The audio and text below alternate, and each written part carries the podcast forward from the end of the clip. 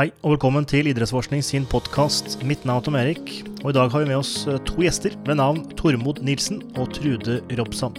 Tormod han jobber ved Norges idrettshøgskole og er forsker og forsker delt på dette med trening og kreft.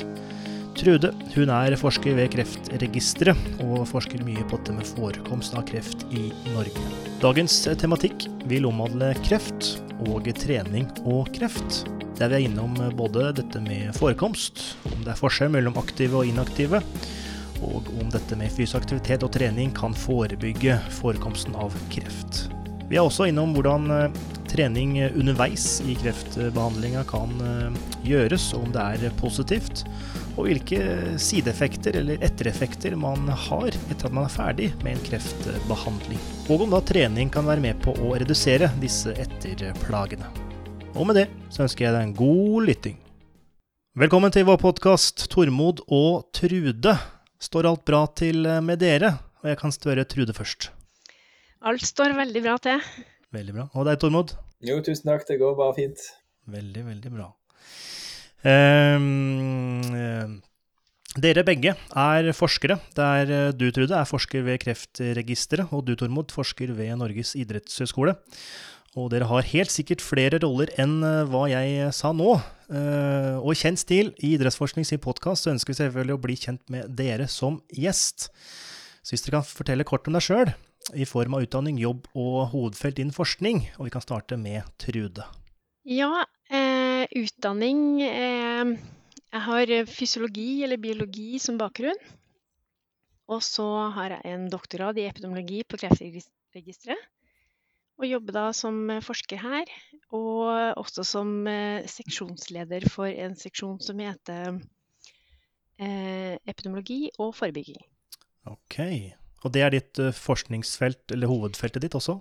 Eh, ja, vi driver jo primært med forebygging i den seksjonen eh, for veldig mange ulike kreftformer. Mm. Så mitt forskningsfelt er eh, mye på UV og eller sol, da og hudkreft. Eh, også en del på D-vitamin. Og mm, fysisk aktivitet, litt kost og typisk sånne livsstilsfaktorer. Mm. Ja, riktig. Har du noe idrettslig bakgrunn? Du har vel en um, um, utdanning for sportsvitenskap, så vidt jeg husker? Ja, jeg gikk på idrettshøyskolen, det starta jeg med. Ja, um, riktig, stemmer. Ja. Jeg har gått litt på ski og spilt litt fotball og kjørt telemark, og nå går det bare i klatring. riktig, riktig. Er du sånn som flest klatrere, at um, speed climbing ikke er klatring? Eh, jo, det er jo klatring, men det er ikke det jeg driver med. ok, ok. Det er en del klatrere her i Sogndal som sier at uh, speed climbing ikke er klatring, fordi vi har en sånn uh, speed climbing wall. Um, ja. Men um, ja, det, er en digresjon vi kan Det er en veldig annen grein, i hvert fall. Ja, ja ikke sant. Mm. Tormod, vær så god. Ja, tusen takk. Eh, først av alt, tusen takk for invitasjonen. Eh, men jeg er òg eh, fysiolog i bånn, hvis det kan kalles det når en har studert idrettsfysiologi. Så jeg har en, en master her fra Idrettshøgskolen i det. Og senere så tok jeg òg doktorgraden min her på Idrettshøgskolen. Um, og Jeg har forska på temaer knytta til trening og kreft vel siden jeg startet på doktorgraden da, i 2009. Og, og, det er på en måte i den, den sfæren vi holder på enda. Riktig, riktig, riktig. Og er det noe uh, Hvis du skal spisse ditt forskningsfelt enda mer enn trening og kreft, altså, er det mulig? Og i så fall, uh, hva forsker du på da? Ja, det er et veldig godt spørsmål, fordi det, det er absolutt mulig. Altså, kreft er jo uh, mye hvis du på en måte ser hele sfæra med, med, kreft og kreftbehandling, så er det et ganske stort eh, felt. Og det samme er jo eh, idrettsfeltet òg, eller treningsfeltet òg. Så, eh, så det, det, er et veldig legitimt spørsmål, det må jeg si. Men, men vi, har, eh, vi, har, gjort en del studier som, som går på trening for prostatakreftpasienter. Det var der det starta med, med, doktorgraden i 2009. Da så vi om styrketrening kunne motvirke noe av den tapen av muskelmasse. Eh, disse pasientene kan oppleve når de står på hormonbehandling. Eh, så Hormonbehandling for prostatakancer er at man gir en medisin som enten blokkerer effekten av eller tar bort testosteron. Eh, og Da er det forbundet med at muskelmassen kan, kan svekkes.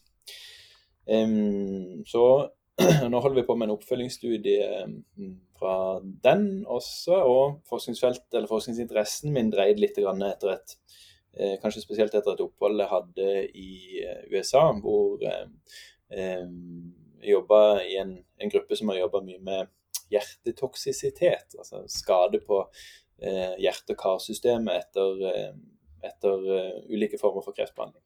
Så det er okay. et av de store forskningsprosjektene vi, vi holder på med, med datainnsamling i, i, i, nå. Det det. Mm, mm.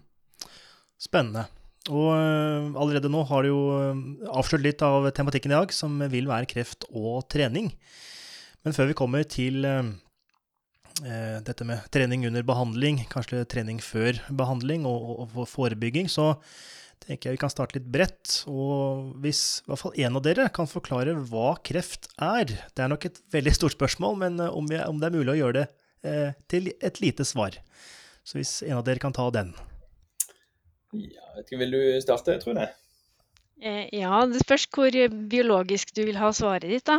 Men jeg tenker at man enkelt kan si Det er jo sånn at alle cellene i kroppen de byttes ut mm. til stadighet med celledeling. Det har de fleste hørt om. Mm. Det skjer hele tida. Og det er strengt kontrollert av gener. Og så skjer det noen feil av og til, som vi kaller mutasjoner.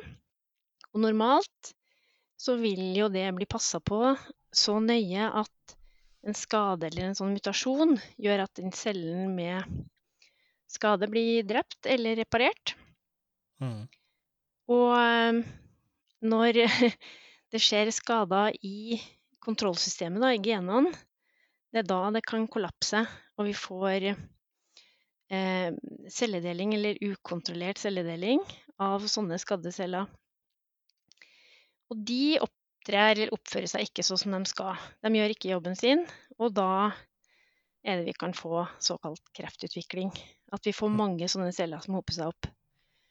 Og hvis de da kan eh, vokse og bli så mange at de får tak i lymfe eller blodbanen, så kan de dra dit de vil.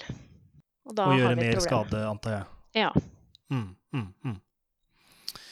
Uh, og jeg antar at uh, mange der ute har et, uh, i hvert fall et eller annet forhold til kreft, enten det er bare gjennom media eller har noen nære eller fjerne. Eh, så kreft er jo noe vi helst ikke ønsker å få, eller, at andre skal få. Men noen får det jo. Eh, og de tallene jeg sjekka, eh, og som sikkert er deres tall, Trude I 2020 så var det rundt en 35 000 som fikk kreft. Tall fra 2021 har ennå ikke kommet, så vidt jeg kan lese. Men ja, dette med forekomst av kreft, kan du si noe mer om det i Norge? ja, vi, vi ser jo hele tida at eh, forekomsten øker. Mm. både i antall og i det vi liker å kalle rater, da. For da tar vi hensyn hvordan populasjonen endrer seg, fordi vi blir mange flere eldre til enhver tid og sånn, som spiller en rolle i forhold til hvor mange som får kreft. Um, enkelte kreftformer så ligger vi veldig høyt på verdensbasis, og for andre kreftformer så er de mer sjelden. Så det varierer jo fra kreft til kreftform til kreftform. Um, Hvilken er høyest? Eh, aller høyest er bryst for damer og prostata for menn. Og sånn ah. har det ah. egentlig alltid vært. Og så ligger vi veldig høyt på tarmkreft, tykktarmskreft spesielt. Eh, vi ligger veldig høyt på en hudkreftform som heter melanom, som vi kalte føflekkreft tidligere. Mm. Eh, og så ligger vi relativt høyt på lungekreft. Så det er liksom de fem store, da. Mm, riktig.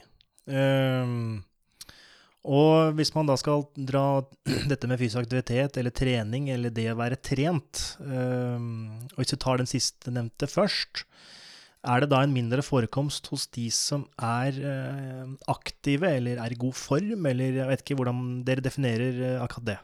Ja, det er mange måter å definere det på. Uh, og så kjenner man på hvordan man studerer det. Fordi mm. Um, det som er litt problematisk når man ser, i hvert fall på, sånn som vi gjør, da, ser på eh, fysisk aktivitet i forhold til risiko for å få kreft, da tenker vi på primær forebygging, så mm. er det de aller fleste studiene er på eh, selvrapportert fysisk aktivitet. Eh, og det er egentlig ikke så lett, fordi vi måler én gang, kanskje. Vi spør én gang hvor mye aktivitet har du hatt. Eh, og så ser vi på Grupperer vi de i de som har hatt mye fysisk aktivitet, og de som har hatt lite fysisk aktivitet. Mm. Eh, og så sammenligner vi de. Og så skal vi skille én faktor, som er da treninga, bort fra alt det andre som man også gjør, for det er en del av livsstilen din. Sant? Noen røyker, og noen spiser eh, annerledes, eller mye eller lite. Eh, så vi gjør så mange ting som er med å påvirke det resultatet vi får også, da.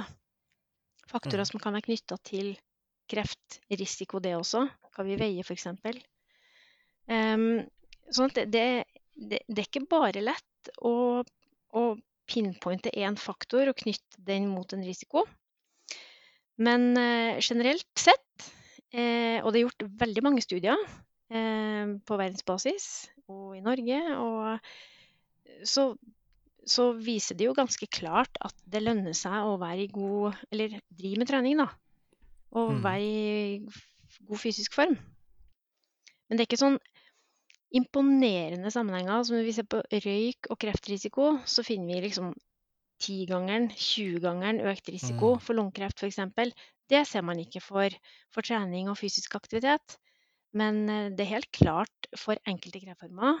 Og der har vi god evidens, eller gode beviser, hvis du kan kalle det det, for at um, det er fordelaktig å, å drive trening. Mm, mm. Ja, for det er forskjell på å uh, være trent øh, og trene. Uh, altså det ene er jo å rapportere hvor mye du trener. Det andre mm. er å være godt trent. Uh, mm. Men det er kanskje litt for vanskelig å skille i de, de dataene dere har, kanskje? Uh, ja, men så er vi så heldige da at vi har et personnummer i det landet her, sånn at vi kan koble våre data på andre datakilder. Mm. Og det, det, gjør vi jo når det er mulig. Um, så i ett prosjekt så har vi hatt muligheten til det.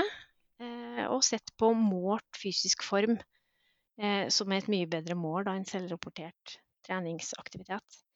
Eh, som også helt klart vise at de best trente de har både lavere risiko for å få kreft, lavere risiko for å dø av kreft og bedre overlevelse hvis man først er syk.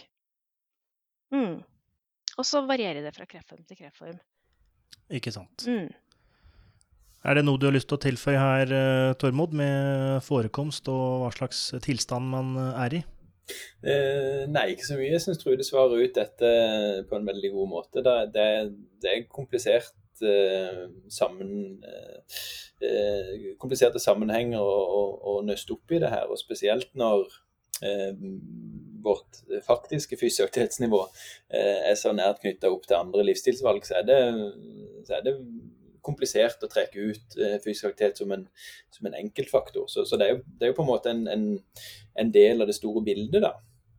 Mm. Um, som, som, handler om å ta gode, gode livsstilsvalg. Både på, eh, på kosthold og, og, uh, og, aktivitetsfronten, og ikke minst hvilke ja, si, kjem, kjemikalier du, du omgås til, til, til, vanlig. sånn at det, det, er et komplekst bilde å, å nøste opp i. Mm, mm. Jeg er veldig fornøyd med at jeg forsker på enklere spørsmål, kanskje. Riktig. Ja, men de skal vi komme til uh, litt etter hvert. Men uh, en av de rådene som Kreftforeningen gir, og de har jo ti råd på sin hjemmeside, der råd nummer tre er en ha en fysisk aktiv hverdag, som vi har snakket litt om nå. Men hvorfor er det slik at fysisk aktivitet kan potensielt redusere forekomsten av eller kreftrisikoen? Ja, Det er jo òg et veldig, veldig, veldig stort uh, spørsmål som jeg tipper Trude kan uh, svare ut. Uh, ja, fall fylle på hvis jeg skal starte nå. Um, ja. men, men, det handler jo om hva man, hva man eksponeres for, og ikke minst hva cellene våre eksponeres for. Um, fordi at vi, hvis vi ser for oss at det er en, en mutasjon som har skjedd, da, så er det jo uh, ja, bedre sjanse for at den blir rydda opp i hvis, hvis dette blir oppdaga på et vis. Sånn at hvis du har et immunforsvar som, som fungerer, så hjelper det noe. det er noe mekanistiske data både på, på cellekulturer og på, på dyrestudier som um, viser litt at enkeltfaktorer i, i, blodet vårt kan være med på å, å enten da hemme eller eh, vekst. Og da, da, ser man at eh, fysisk aktivitet eller det å bli eksponert for, for eh, blodserum f.eks. Eh, fra personer som har trent, kan, kan rent sånn mekanistisk være hemmende for, for, for kreftutvikling. Så, så, det handler litt om at disse mutasjonene for det første blir oppdaga, og for det andre reduserer sjansen for at de får eh, de vekststimuliene de trenger. Eh, og Sånn sett så tror jeg fysisk aktivitet eh, sammen med en fornuftig kroppsvekt, eller ja, fordeling mellom muskelmasse og fettmasse, kan, kan, kan, ha noe å si. Mm. Jeg vet ikke, Trude, hva, hva er det dere opererer med i, i sånn forklaringskontekst? da? Nei, jeg tenker sånn rent biologisk så er du inne på det som vi også tenker. Eh, det er jo vekstfaktorer og immunforsvar, selvfølgelig. Det vi lurer på, er jo eh, Det store spørsmålet er jo om, om trening eller fysisk aktivitet kan forhindre den første kreftcellen å oppstå. Eller om det er sånn at det er en slags eh, brems, eller du slipper opp gasspedalen ved å være fysisk aktiv, sånn at du ikke stimulere utvikling, men at du liksom bremser prosessene, sånn at man kanskje får sykdommen på et senere tidspunkt i livet, da, ved en høyere alder, eller eh, mindre avansert, eh, lettere å behandle når du først får sykdommen. Um, så det, det, er jo ting vi ikke vet, egentlig. Og så må man tenke på, på altså, alt det fysisk aktivitet gjør med, med kroppen vår. Nå eh, er det jo veldig lett å bli eh, engasjert når man har, når har en kontorplass på idrettshøyskolen eller tilsvarende institusjoner. Da, så vi må passe litt på vi, hva vi sier òg. Men, men, du kan si når du tar en medisin, så, så eh, er de ofte utvikla sånn at de trykker på én variabel. Mens, mens, når du beveger deg og er fysisk aktiv, så på sett og vis åpner du jo døra til hele apoteket. Eh, så du, du, får på en måte så, så, så, så, mange faktorer som drar det her i riktig retning. Eh, at jeg tror, jeg tror, det er komplisert hvis en skal forske seg ned til en eller få, få, faktorer som er viktige. Så jeg tror det er det, nettopp det samspillet som kanskje er av betydning. Eh, med, med en gunstigere sammensetning i, i blodet, da, som eh, disse kreftcellene nå er, er, helt avhengige av for å kunne utvikle seg til å bli så store da, at, de, at, de kan, at, de, kan, bli en faktisk svulst. Eh, fordi ja, Kreftcellene må ha tilgang på, på, næringsstoffer, ikke minst oksygen i varierende grad, men, men, men næringsstoffer for å, for å, vokse og, og eh, trives. da. Um, så hvis, hvis, disse kreftcellene blir eksponert for mindre vekstfaktorer og mer veksthemmende faktorer. Eh, kanskje enda bedre blir oppdaga av immunforsvaret vårt, så, så, så, tror jeg det absolutt er med på å påvirke risikoen for å få enkelte kreftsykdommer. Mm. Og er det noe som uh, har fysisk aktivitet bedre effekt på uh, noen type kreft enn andre type kreft, og i så fall hvilken? I mitt hode så tenker jeg at det er universale prosesser. At det mm. egentlig burde gjelde for all kreftutvikling.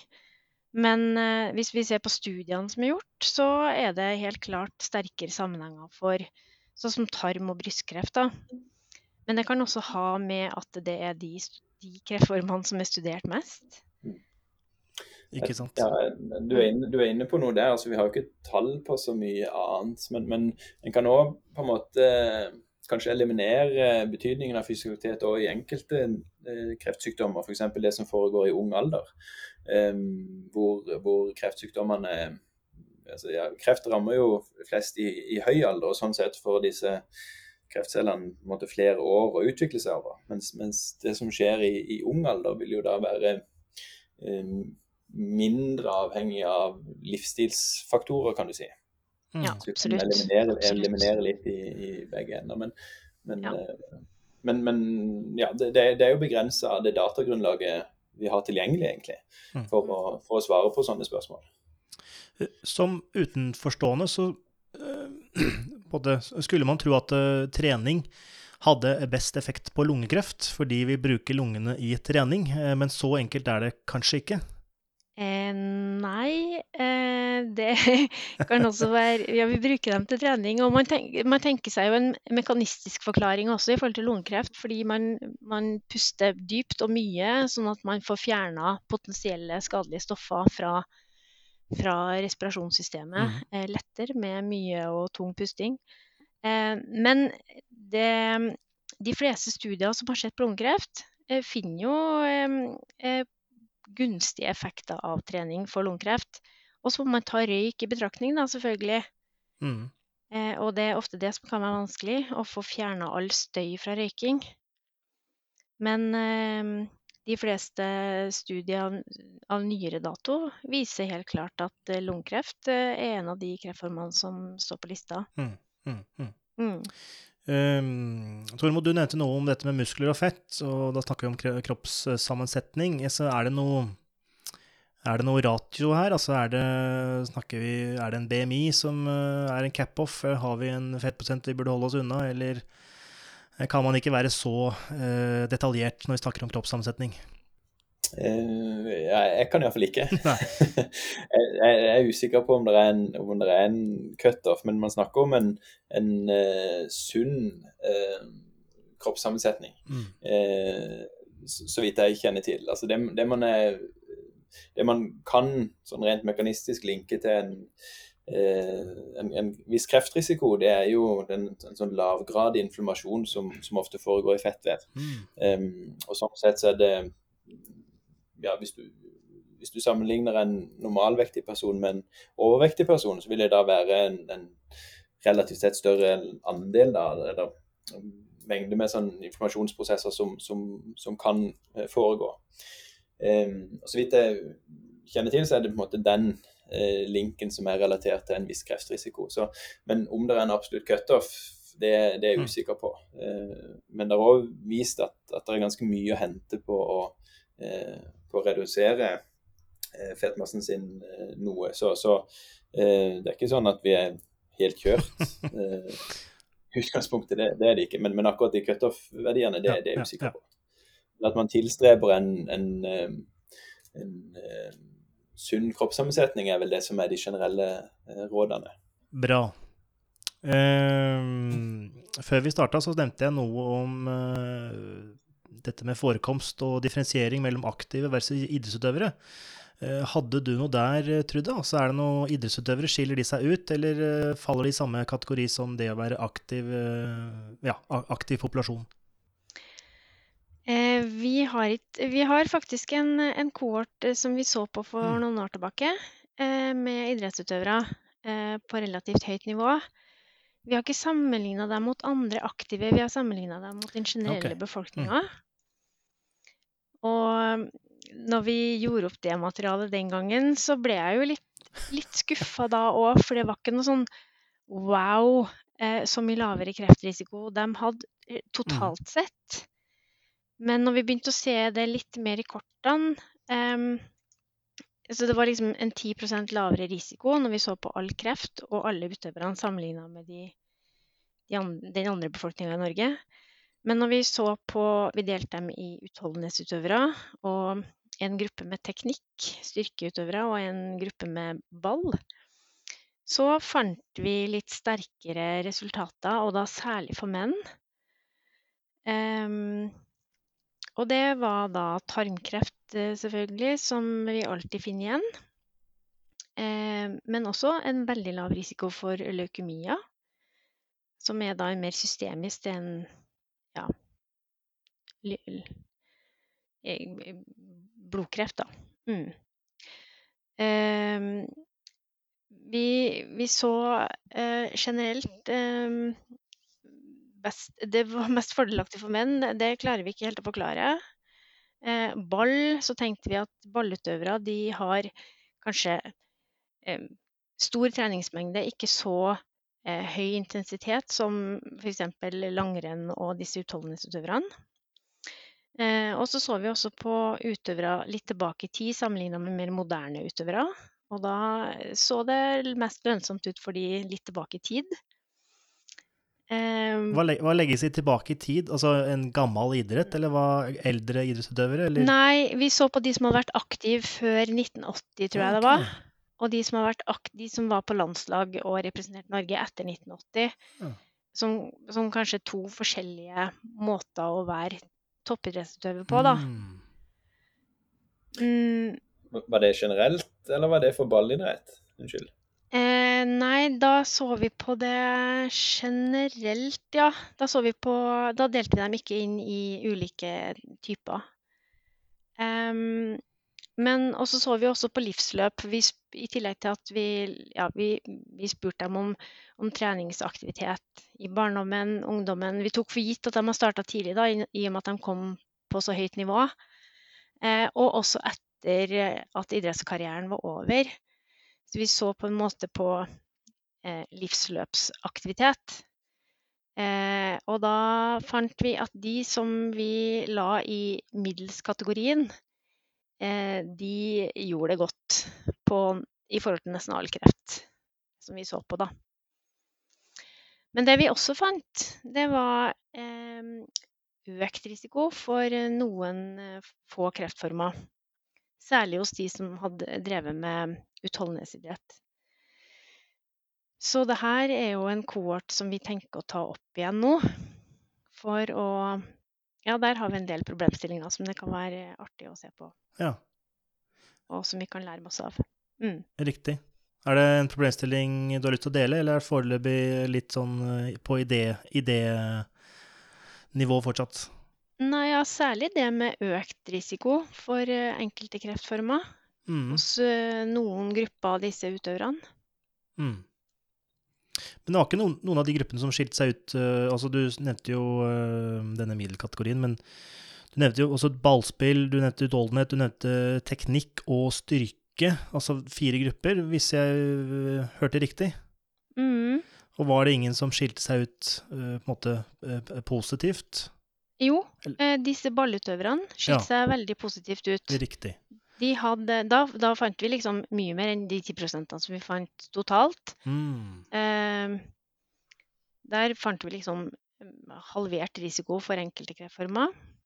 Og når vi også delte inn i disse eh, høy aktivitet, middels aktivitet og lav aktivitet, eller ja, lav, lav aktivitet, så fant vi for disse middelsutøverne også veldig redusert. Opptil 80 redusert, redusert risiko. Mm. Okay. Og det fant vi både for kvinner og menn. Sånn at Ja. Det var Vi lærte mye av å prøve å sortere dem litt, og ikke putte alle i en kurv. Mm. Som kan si oss kanskje noe om eh, at det ikke må sant? Du må kanskje ikke være på et eh, vanvittig høyt treningsnivå for å ha gunstig effekt, men mm. ja. Og, og, kanskje at uh, idretten eller uh, treningen uh, har litt av hvert. Altså ballspill, eller ja, kall det fotball, håndball, har jo både litt utholdenhet og styrke i seg, og ikke er en sånn Det er en slags ja, hybrid ja. sånn energiomsetningsmessig. En slags miks. Ja, mm. kanskje, kanskje mm. det kan være bra. Og um, um, ja, fint. Da tenker jeg vi kanskje beveger oss uh, til dette med um, når først kreften oppstår, og eh, vi er i under behandling, så har du eh, forsket litt på dette, dette med trening eh, under eh, behandling, Tormod, og hva som, og, og hva som funker, og, og, hva som burde gjøres der. Stemmer ikke det? Jo, jo ja, begrensa til prostatakreftpasienter under behandling. Ja, stemmer. Eh, fordi, fordi igjen, kreft og kreftbehandling er jo eh, fryktelig komplekst.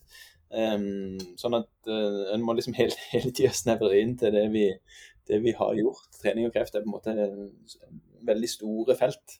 Så, så, men, men det, det, stemmer. Vi, vi, har, um, vi, har, gjort en studie der vi prøvde oss med styrketrening for å motvirke noe av dette muskelsvinnet da, som, som vi ser med Eh, med sånn type hormonbehandling.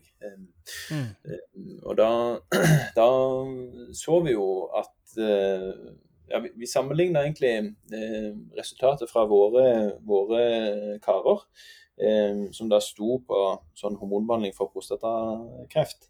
Eh, så sammenligna vi de resultatene med en eh, annen studie som pågikk eh, nesten parallelt her på idrettshøyskolen, med, med friske eldre personer. Altså friske, Man har jo med seg litt i bagasjen, bagasjen når man er over 70, men, men eh, i alle fall ikke at de hadde hatt noe kreftsykdom eller at de sto på kreftbehandling eh, den dag i dag. Og da, mm. Det som var interessant da, at vi, vi, så at disse karene våre, de prostatakarene, fikk absolutt treningseffekt. altså De ble sterkere, eh, og sterkere tilsvarende disse friske eldre mennene. Men når vi så på endring i muskelmasse, så så vi at de la på seg omtrent en tredjedel av det vi kunne forvente.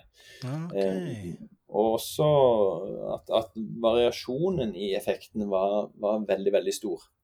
Sånn at vi hadde ja, vi hadde en sånn statistisk utlegger som, uteligger som, som, la på seg fire kilo i løpet av de 16 ukene de trente. Det, det er jo bra for, for enhver. Kanskje spesielt imponerende når du står på sånn type behandling. Men, men uh, gjennom den samme intervensjonen så hadde vi òg deltakere som, som mista mer enn halvannen kilo muskelmasse.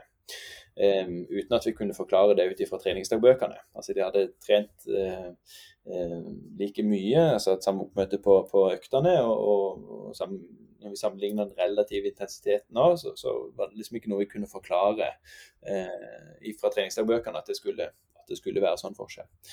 Så, så veldig, veldig varierende eh, respons, men i snitt da om lag en tredjedel av det vi kunne forvente. Ja, riktig. Og når du snakker om denne hormonhemmende behandlingen, snakker vi da hemming av eh, testosteron og veksthormon, som er viktig i forhold til proteinsyntesen og muskelmasse, eller er det mer enn som så? Mm, nei, det, dette er en spesifikk behandling som går på testosteron. Så, okay. så i, noen, i, noen, tilfeller så gir man en uh, androgenreseptorhemmer, altså en medikament som blokkerer reseptoren for testosteron, mens i de fleste tilfellene, eh, og som var casen med de, de, karene vi hadde med hos oss, så gir man et medikament som hemmer produksjonen av testosteron. Så når man tar en blodprøve av disse her og, og screener for eh, testosteronnivået, så er det i mange tilfeller under de verdiene man klarer å måle. Ja, riktig. Så det er en slags eh, omvendt doping, da. kan du si. Eh, men, men eh, prostatakancerceller er, er, spesielt sensitive for, for, testosteron. Så det er på en måte grunnen til at man tar det bort. Så i, i de tilfellene man, man, enten har blitt operert og får et tilbakefall, eller at man har en, en svulst som er en viss størrelse, eller som som, hvor man anbefaler å ikke operere, så, så, gir man ofte strålebehandling, men da i kombinasjon med, med, med sånne antitestosteron, da, hvis vi skal kalle det. Um, rett og slett for å redusere risikoen for at dette skal um, komme tilbake, eller ja, økt sykdomskontroll. da. Så I noen tilfeller så går man på dette en kortere periode, kanskje et halvt til, et år. I andre tilfeller går man på det i to år, og i noen tilfeller så står man på sånn behandling da i, i lang, lang tid. Typ livet ut, så lenge, eh, lenge behandlinga har effekt på, på svulsten. Så, ja, så, så, Hvis vi ser på litteraturen, så ser man det største tapet av muskelmasse da tidlig i sånn type behandling.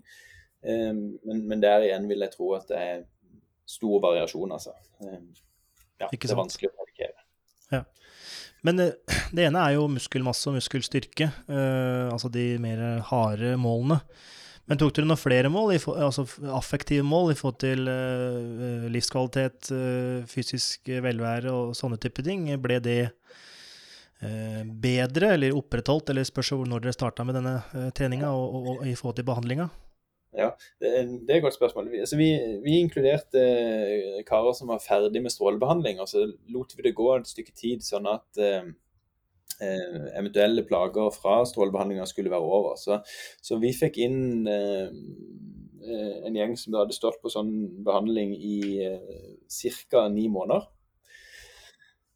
um, og når vi gjorde opp data, så så vi at dette var eh, karer som utgangspunktet hadde det ganske bra. Sånn at vi, vi så egentlig ikke noe voldsom effekt på, på livskvalitet. Eh, men en annen viktig bivirkning hos eh, disse her er at de blir plaga med såkalt kreftrelatert fatigue. altså en sånn utmattelsessymptomer. Du er veldig trøtt og sliten, og, og, og du, det er liksom ikke så mye å hente på å hvile eller sove. Men du er, du er utmatta da, veldig, veldig, ofte. Så det, det, det er, en, en, et fenomen da, som, som, kan oppstå som følge av sånn her type behandling.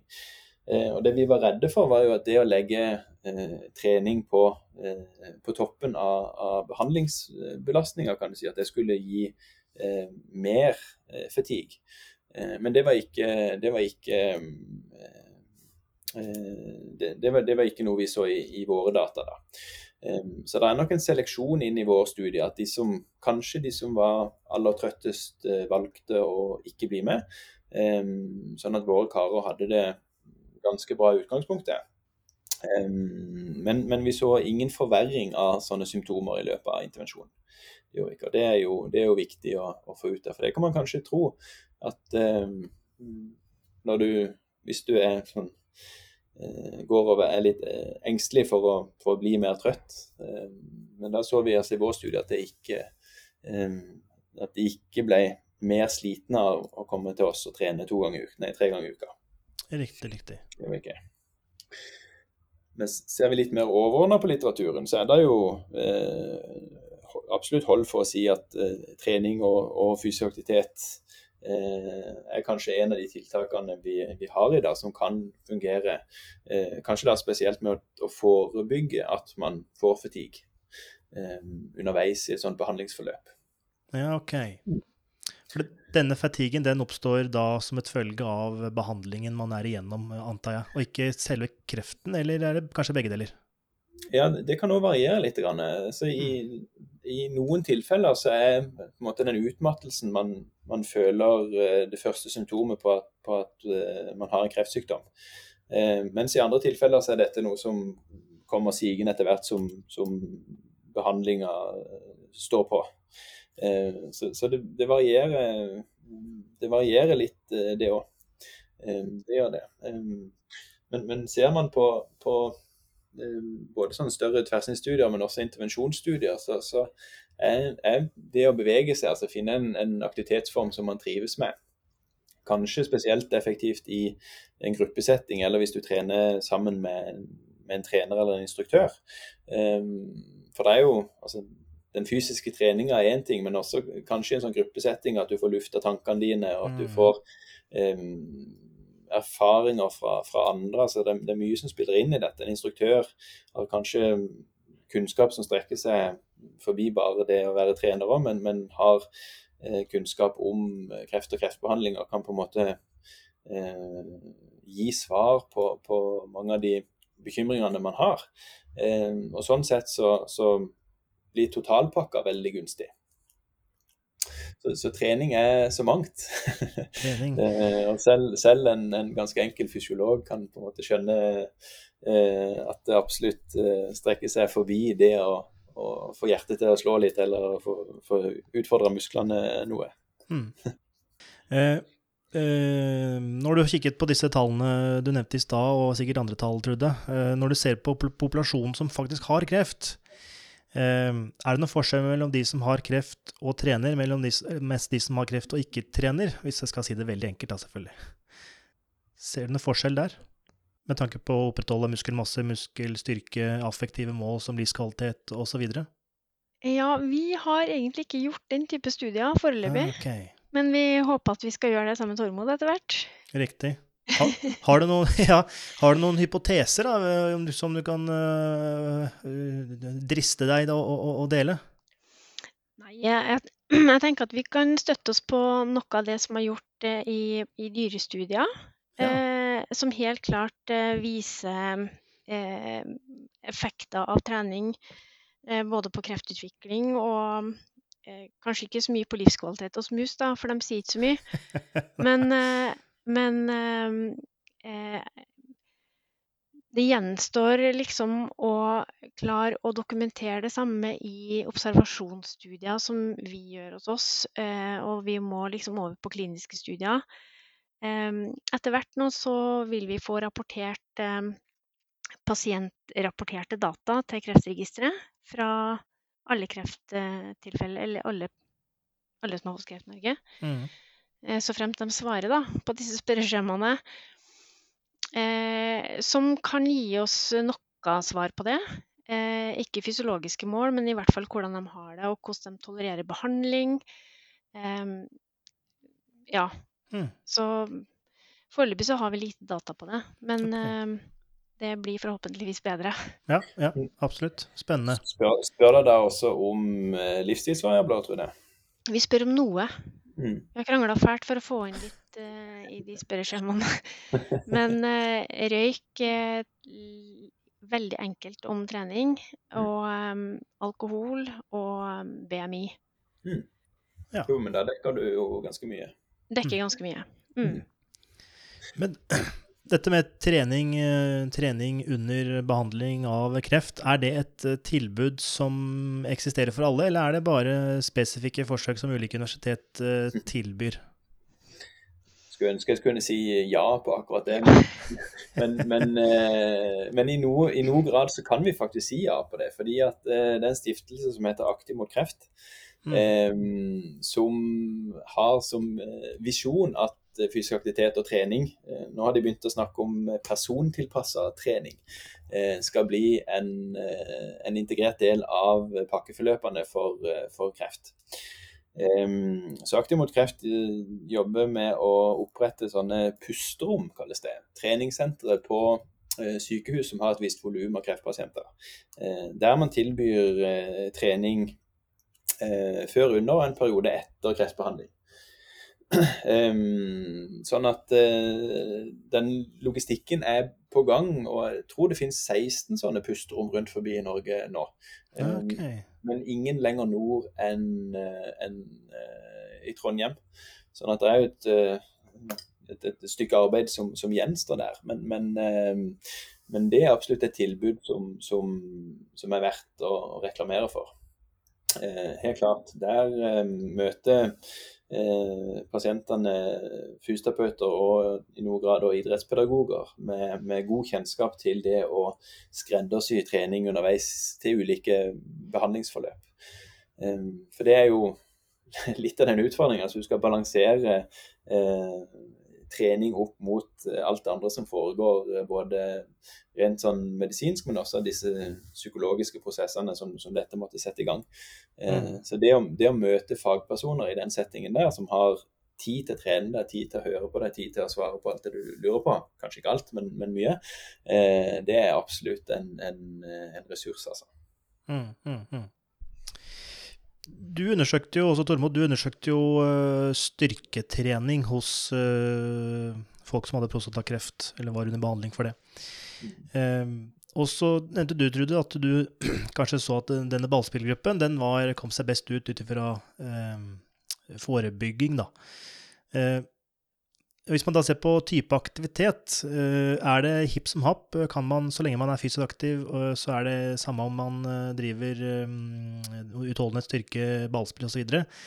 Under behandlingen, fordi det vil gi samme effekt sånn cirka? Eller er styrketrening eh, å foretrekke, eller eh, hva tenker du der, Tormod? Eh, jo, da kan jeg jo svare med en liten sånn forskningsanekdote, for det, det er litt artig.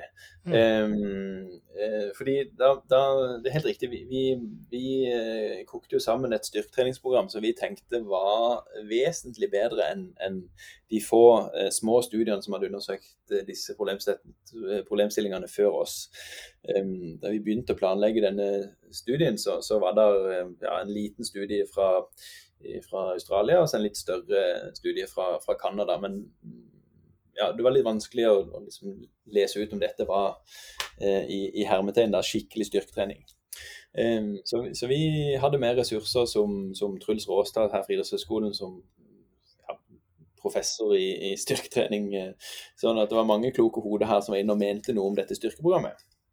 Eh, men allikevel så så vi da litt sånn begrensa eh, effekt eh, på på det primære endepunktet, som da var endring i eh, lean body mass, eller ja, eh, surrogatmål for, for, endring i muskelmasse.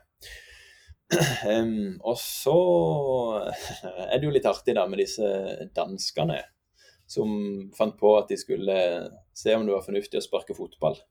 Oh. I, i, i, samme setting, også hos prostatakarer som, som var under eh, hormonbehandling. Altså danske kreftpasienter? Helt riktig. Som, riktig. Med, med, med, ja, som, som, bodde ikke så langt unna København, som da samles, ble samla et par ganger i uka for å sparke ball på, på Løkka, rett og slett.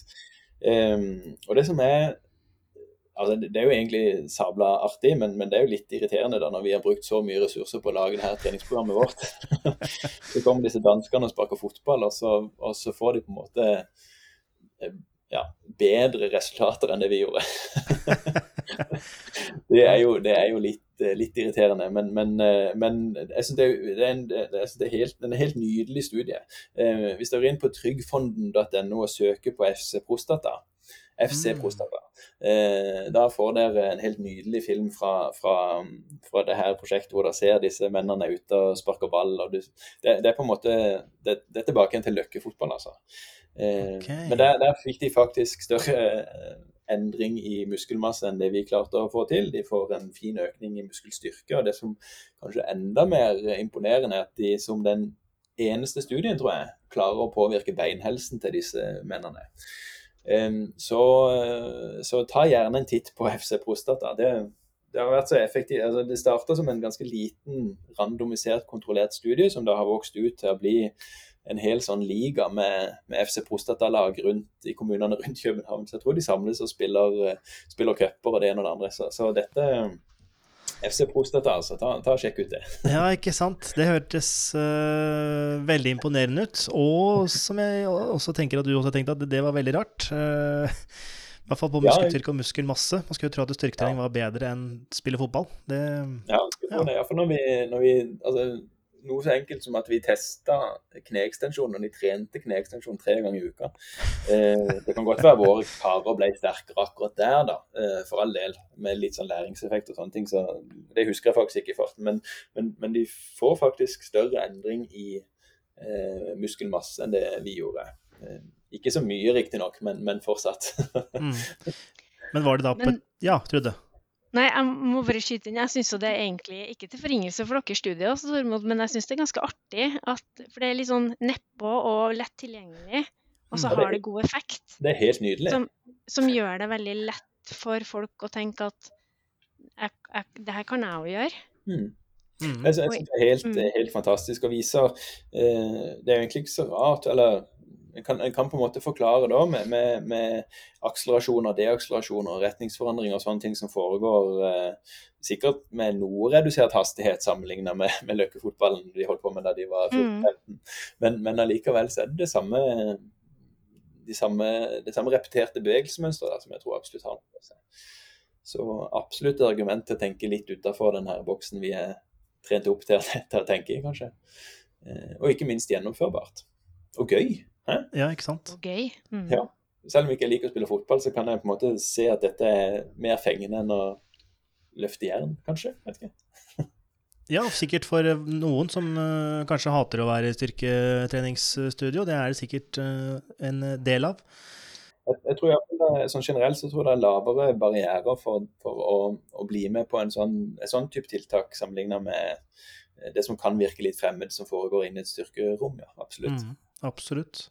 Og er det uh, Det er det helt sikkert, men er det noen som uh, har tatt dette videre? Altså håndballklubber, fotballklubber som er med på å dra, dra kampen mot kreft? Mm, det nærmeste jeg kommer på i farten, det var Ja,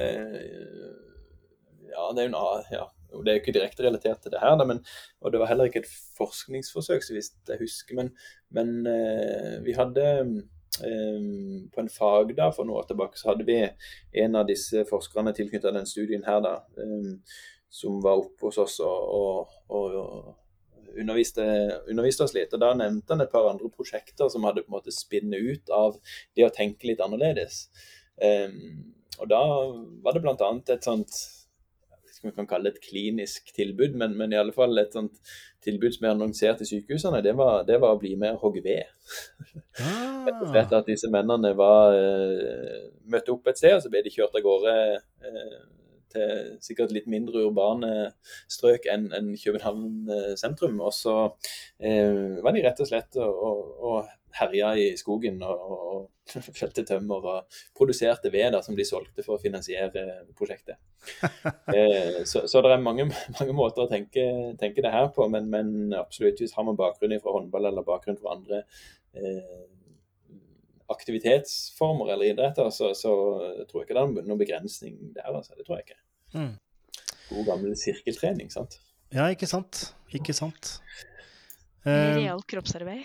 Ja, eller kroppsarbeid. Ikke minst. Ikke minst. Så jeg tror absolutt det er et potensial i eh, både idrettsklubber og det ene og det andre til å, til å starte. Om ikke eh, Det blir kanskje for snevert å starte egne kreftgrupper eh, her og der, men med det å ha Eh, altså Da jeg var liten, så, så gikk min mor på dametrimmen. så det å ha sånne tilbud, lavterskeltilbud som, som er tilgjengelig i f.eks. idrettslag eller turnforening eller hva det måtte være, det tror jeg absolutt kan ha noe for seg. Mm. Bra. Um, nå har vi tatt for oss både før og, et, nei, før og under uh, dette med kreft. Uh, men tre av fire overlever, uh, og det er jo veldig gode tall, vil jeg påstå. Jeg er litt usikker, men det høres iallfall bra ut. Men dette med trening etter kreft er jo sikkert også noe man burde drive med. Eh, og jeg vet ikke hvem av det jeg skal spørre, eh, men eh, ja, dette med trening etter kreften, er det å foretrekke? Og vi kan starte med Trude. Ja, jeg, jeg, tenker jo som jeg sa innledningsvis, at mekanismene er like både før og under og etter, egentlig. da. Hvis man tenker fordelen av å drive med trening, så absolutt ja, eh, tenker jeg. Eh, det kan være med å forhindre tilbakefall. Det er lite studier på tilbakefall, eh, men det er fordi det mangler data på tilbakefall. Man er ikke helt enig om hvordan man definerer det engang. Okay. Eh, men, men eh, eh, ja, absolutt. Trening også etter kreft. Ja, ja, ja. Og jeg har veldig tro på typ lavterskeltilbud. mange har kanskje ikke drevet med noe trening i forkant. Og det er veldig sannsynlig at det aldri er for sent å begynne. Eh, det så vi også i en eh, studie basert på den, eh, den korten jeg nevnte, hvor det var målt fysisk form. Hvor vi så på endring midt i livet, som helt klart var fordelaktig. Så å få bedre fysisk form midt i livet, det tyder på at ikke det er for sent å starte. Og fysisk form her, altså i den sammenheng, hvilket uh, parameter tenker vi på da? Ja, De var målt på en sånn sykkeltest. Riktig. Og mm. Veatomax, eller? Ja, Veatomax. Ja, ja, mm. ja, riktig. riktig. Mm. Ja, ja. Ja, nei, Jeg er helt enig med, med Trude. Altså det er eh, igjen litt farga å ha kontor på idrettshøyskolen, men, men, at fysisk aktivitet og trening skal inn i, i, pakkeforløpene på en måte for å få inn trening underveis i behandlinga, syns jeg er helt åpenbart. Og ikke minst eh, i det pakkeforløpet som det jobbes med i dag, hvor en snakker om pakkeforløpet hjem, altså det som skal foregå eh, i etterkant av, av, eh, av behandling, så, så, er fysisk aktivitet og trening der også en, en helt naturlig del, sånn som jeg ser det. Um, hvis, hvis, vi konkretiserer dette litt, jeg nevnte det ved Automax i, i stad, så, så, har man da sett på at konsekvensen av eh, kreftbehandlinger, da er det ofte celli, ulike former for cellegiftbehandling man har vurdert, men, men man ser da at, eh, ditt, ditt maksimale oksygenopptak faller et sted mellom ja, 10 til opptil 25-30 er kanskje de, de høyeste tallene. Altså at man får et sånt tap da, i løpet av en forholdsvis kort periode. Eh, alt fra tre måneder til kanskje opp mot seks måneder. Um, og det er klart Den, den fysiske funksjonen skal, skal gjenvinnes. Um, og Sammenligner du dette tapet du får da i løpet av en kort periode med en sånn normal aldring, så vil jo det tilsvare ja, om lag 10-15 år. sant? Uh, så det at du kommer uh, ut av dette når du er litt bakpå, så, så, skulle det bare mangle at ikke man kunne legge til rette for, for, for gjenopptrening i, i etterkant. Um, så man har sett at studier som har intervenert med fysisk aktivitet underveis i behandlinga, faktisk har klart å forebygge noe av det tapet. I noen tilfeller ser man en økning, men, men det som kanskje er mer vanlig, at man, man reduserer det tapet i, i fysisk form.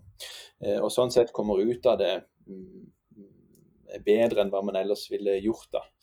Men så er det ikke alle tilfeller hvor det er mulig å få til, enten at man er så man på en måte har nok i den perioden man er under behandling. ikke sant? At ikke man får det til til tross for at det kanskje kommer mange flere pusterom rundt forbi eh, i, i, årene fremover. Så, så at eh, trening i etterkant absolutt kan ha noe for hver enkelt eh, person òg, eh, det er helt overbevist over. Altså, det å komme seg tilbake, eller det å få hjelp til å finne et slags nytt utgangspunkt. Vi snakker ofte om at vi skal komme tilbake etter kreftsykdom, men, men ofte så handler det om, om å finne en slags sånn ny eh, ny hverdag. da.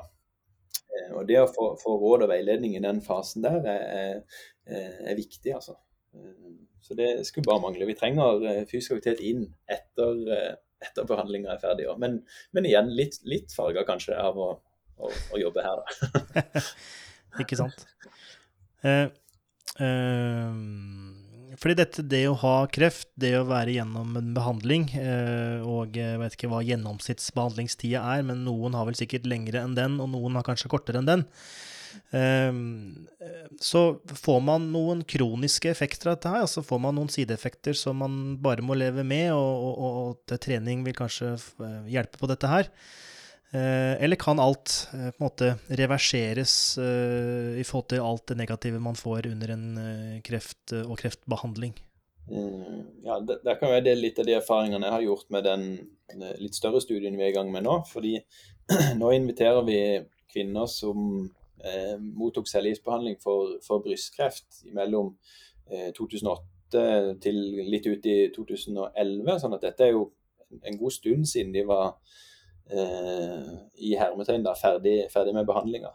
Eh, men det ja, det er statistikk på dette også, jeg kunne kanskje vært bedre forberedt, men jeg blir overraska altså, hvor mye plager de fortsatt har. Eh, noen, er eller ganske mange, er selvfølgelig eh, ganske problemfrie, jeg vet ikke hva jeg skal kalle det, de føler seg friske. da. Eh, men, men, men, overraskende mange syns jeg rapporterer om eh, Eh, ja, nevropatier, altså sånne nerveskader som føler du går på, på, nåler, eller du har litt sånn kulde- og hetefornemmelser under beina. I, i, ja, spesielt i beina eller sånn nummen, du føler du går på puter. Eh, noen sliter fortsatt med fatigue, som vi snakka om i stad. At, at, det fortsatt henger ved så lang tid etter behandling, kan også være en kjent seneffekt. Og så eh, hvis man får visse typer cellegifter eller stråling hvor eh, hjertet er en del av, av strålefeltet, så, så kan man òg få en økt risiko for hjerte-karsykdom og sånne ting. Sånn at eh, dette, dette, henger ved. I tillegg, sånn som Trude var inne på i stad, så har man jo en viss risiko for enten tilbakefall, eller at man kanskje er disponert for andre typer kreftsykdommer eh, også. Så, så, så, man er liksom ikke I mange tilfeller så er man ikke helt ferdig, selv om man for så vidt er ferdig. Ja, riktig. Riktig. Er det noe du har lyst til å tilføye der, Trude? Men jeg syns eh, Tormod svarte veldig godt og klart og bredt. Ikke sant. Men eh, eh, på de tallene du har, for så vidt, er det noe eh, Altså, man sier at man, man, er ikke ferdig selv om man er ferdig. Eh, er det hva skal jeg si, er det større tilbakefall hos enkelte krefttyper fordi den krefttypen har forårsaket mer skade, eller bredere skade enn en annen krefttype?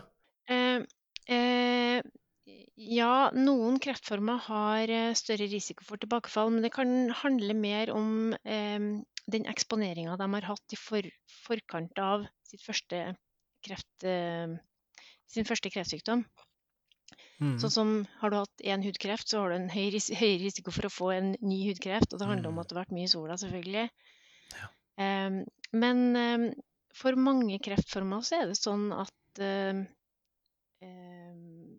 eller jeg kan si det annerledes. Eh, hvis du først har hatt en kreftsykdom, så har du en eh, økt risiko for å få en ny en. Mm, mm. For noen kreftformer. Ja. Mm. ja. Det er jo litt som ved en skade for iallfall idrettsutøvere. Ja. Er du vært skada, så er det større sjanse for å bli skada igjen. Ja. Riktig. Um, det kan ha med livsstilen din å gjøre generelt, eller det kan være at du er spesielt sårbar for eksponeringer som du får gjennom livet. Mm. Mm. Mm. Så um, konklusjonen vi kanskje faller ned på, eller en foreløpig konklusjon, er uh, tren før, uh, tren under og tren etter kreft. Ja, vil jeg si da. det høres veldig, veldig bra ut. Jeg, av og til får jeg et spørsmål om når man begynner, bør begynne å trene. og det, det er på en måte ikke noe poeng i å vente til du blir syk heller. Så hvis vi skal ta, ta Trude sine data eh, til, til etterretning, så, så, er det jo det å finne et aktivitetsnivå man trives med, en aktivitetsform man trives med. altså Prøve å, å holde på, på, på, det. da. Prøve å holde aktivitetsnivået oppe, sånn at man eh, stiller klar til start hvis det skulle skje. Eh, og så har jeg veldig tro på at det må eh, legges til rette for trening underveis. Jeg tror, jeg tror det, eh, det, er litt sånn eh, det, naivt, eller det er, helt, det er, ikke helt, riktig å si at man må holde seg aktiv underveis, fordi da er det så mange andre spørsmål som dukker opp. Så det å få, eh, få lagt til rette for at man kan eh, fortsette å trene, eller for så vidt også starte å trene da, mens man er i en sånn setting, tror jeg er, er, er lurt. For det, det har så, så, mange bivirkninger, og trening kan påvirke så, så mye eh, underveis. Eh, men, men der, der må det da må det litt struktur til. altså, for det, det er ikke hvis, hvis, ikke det er enkelt å begynne å trene ellers, så er det i alle fall ikke enkelt å begynne i en sånn setting. Det, det må vi jo si. Ja. Um, ja. Hadde det vært enkelt, så hadde vel alle gjort det også.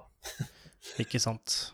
Ikke sant. Og um, hva slags type aktivitet man uh, bedriver, er kanskje litt hipp som happ. Man kan drive med fotball i fotballbingen og styrketrening og kanskje utholdenhetstrening i, i, ja, så det er litt, eh, litt hipp som eh, i hvert fall ut ifra de, eh, det dere har pratet om, da. At så lenge man trener, så er det det viktigste.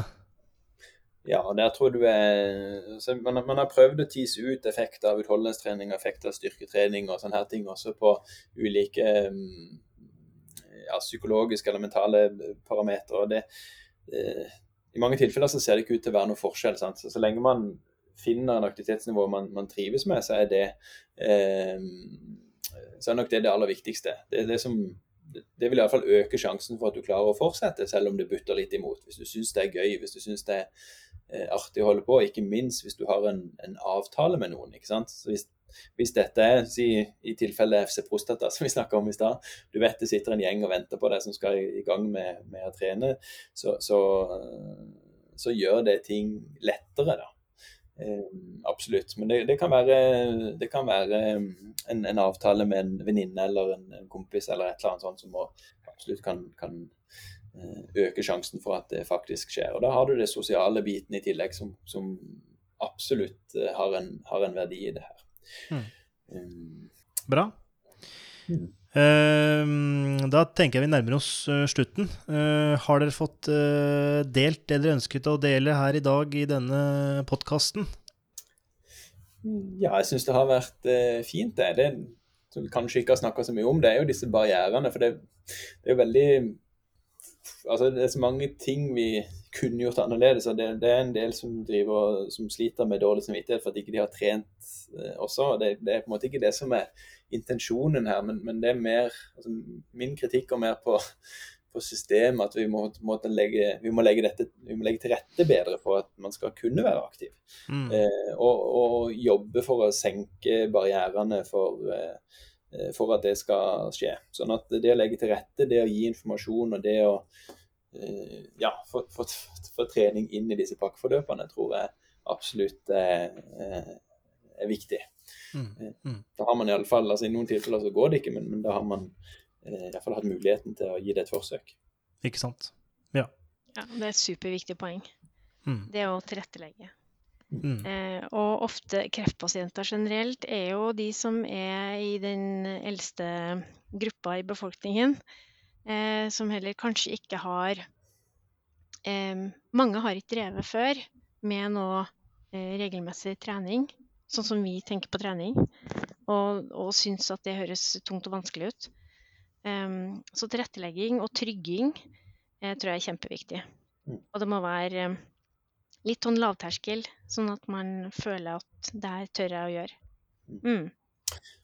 Og så Du er inne på noe viktig her også, tror jeg. fordi Dette med ressurser er jo sentralt. sant? Så Det er veldig enkelt å si at man bare kan oppsøke treningssenter, så får du hjelp. Mm. Eller sånn som vi her på idrettshøyskolen sammen med Oslo universitetssykehus og Aktiv mot kreft også for så vidt eh, driver og utdanner eh, aktivinstruktører, som er fysioterapeuter og idrettsutdannede og personlige trenere eh, som er på kurs hos oss for å lære det å trene personer som har vært gjennom kreftbehandling, for å øke kompetansen rundt forbi. Og Det er veldig enkelt å si at nå finnes det aktive instruktører som bare oppsøker en sånn, så, så får du hjelp, men, men det mm. koster penger. sant? Så, mm. så, det at man får noen sånne insentiver som ikke er med på, på å øke forskjellene i, i ja, nå tar jeg meg den friheten å inkludere aktivinstruktøren i helsevesenet. men, men ja, det, det, er jo ikke det, men, men de, de, burde kanskje vært det. ikke sant? Sier man mm. får, uh, har muligheten til oppfølging på pusterommene uh, underveis i, i, behandlingsforløpet og får hjelp av de ansatte der, og så har man da tilgang på disse aktivinstruktørene etterpå. Uh, som, som, som, ressurspersoner, da. Men, men, da, igjen, hvis dette skal være likhet, så, så kan ikke de koste så mye som, som en eh, personlig trener ofte gjør. da. Det går ikke. Mm. Mm. Ja, det, er det, sånn, det var nesten mm. sånn politisk, var ikke Jo. Litt sånn, jo. Eh, men det er et veldig viktig poeng. Tilgjengeliggjøring. Tilgjengeliggjøring, absolutt. Mm. Eh, senke barrierene og øke tilgjengeligheten, så er mye, mye gjort. Mm. mm. Veldig bra. Um, dere har jo både gjort og skal gjøre mer forskning på enten nytt datamateriale eller datamateriale dere allerede eks eller innehar. Ehm, hvis folk har lyst til å følge deres virksomhet videre rent digitalt, hvor er dere å finne? Jeg eh, starter med deg, Trude. Meg finner du på Kreftregisteret sin hjemmeside. Ja. Kan du bare søke på meg, og da får du tilgang på de forskningsprosjektene eh, som jeg jobber med. Mm. Og du er altså på Twitter, eh, kanskje, eller? Nei, jeg har ikke begynt å tvitre. Eh, det er kolleger som har mast om det lenge. Eh, nei, av sosiale medier så er jeg bare på Facebook og Instagram og sånn, så det er ikke så veldig forskningsbasert. Men på kreftregisteret.no, der finnes jeg. Der, der finner du det du trenger. Og så må vi begynne å tvitre. Mm. Ikke sant. Ja, det hadde vi hatt min kollega her, som vanligvis er med, uh, Matthew Shaw, han spør alltid er du på Twitter. Og hvis du ikke er det, så får du som regel kjeft. Uh, Jeg vet. Så uh, Tormod, hva med deg? Hvor kan vi finne deg igjen? Eh, jo, du finner jo meg på nettsidene til, til NIH. Mm. Der fins vi. Googler du trening og kreft NIH, så, så dukker jeg vel opp der òg, tenker jeg. Eh, men eh, jeg er på Twitter. Du er på Twitter, ja. Så der heter jeg TS Nils. Ja. Det måtte jeg faktisk sjekke nå, for det husker jeg aldri. ikke sant. Ikke sant. ikke så vanskelig. Ja, på Instagram og Facebook og sånne ting så er jeg egentlig ikke noe sånn offentlig. Jo, Instagram er vel åpen, men det er bare bilder av, av tur og fisking og sånne ting, så det er kanskje ikke så relevant i den settingen her. Men, Motiverende da, Tormod. Ja, ja. ja, Det, det, det er familiealbum, da. Kanskje mer enn noe annet. Um, men, men uh, ja, periodevis aktiv på, på, Twitter, kanskje. Ja, ja. Ganske god retweeter. Mm. Og så er dere begge på ResearchGate, så vidt jeg har sett. Ja. Som er, ja. Veldig passiv profil der òg, men, eh, men jeg får mail, mail fra, fra de og til. Mm. Ja, ja, ja. Veldig bra. Da vil jeg takke for praten, eh, og takke dere begge for praten om eh, kreft og forekomst av kreft og eh, dette med trening og det å være i hvert fall forholdsvis trent. Og at dette med fysisk aktivitet slags trening er viktig både før, under og etter en kreftperiode. Så takk for den informasjonen. Takk i like måte. Ja, tusen takk skal du ha, og takk for invitasjonen.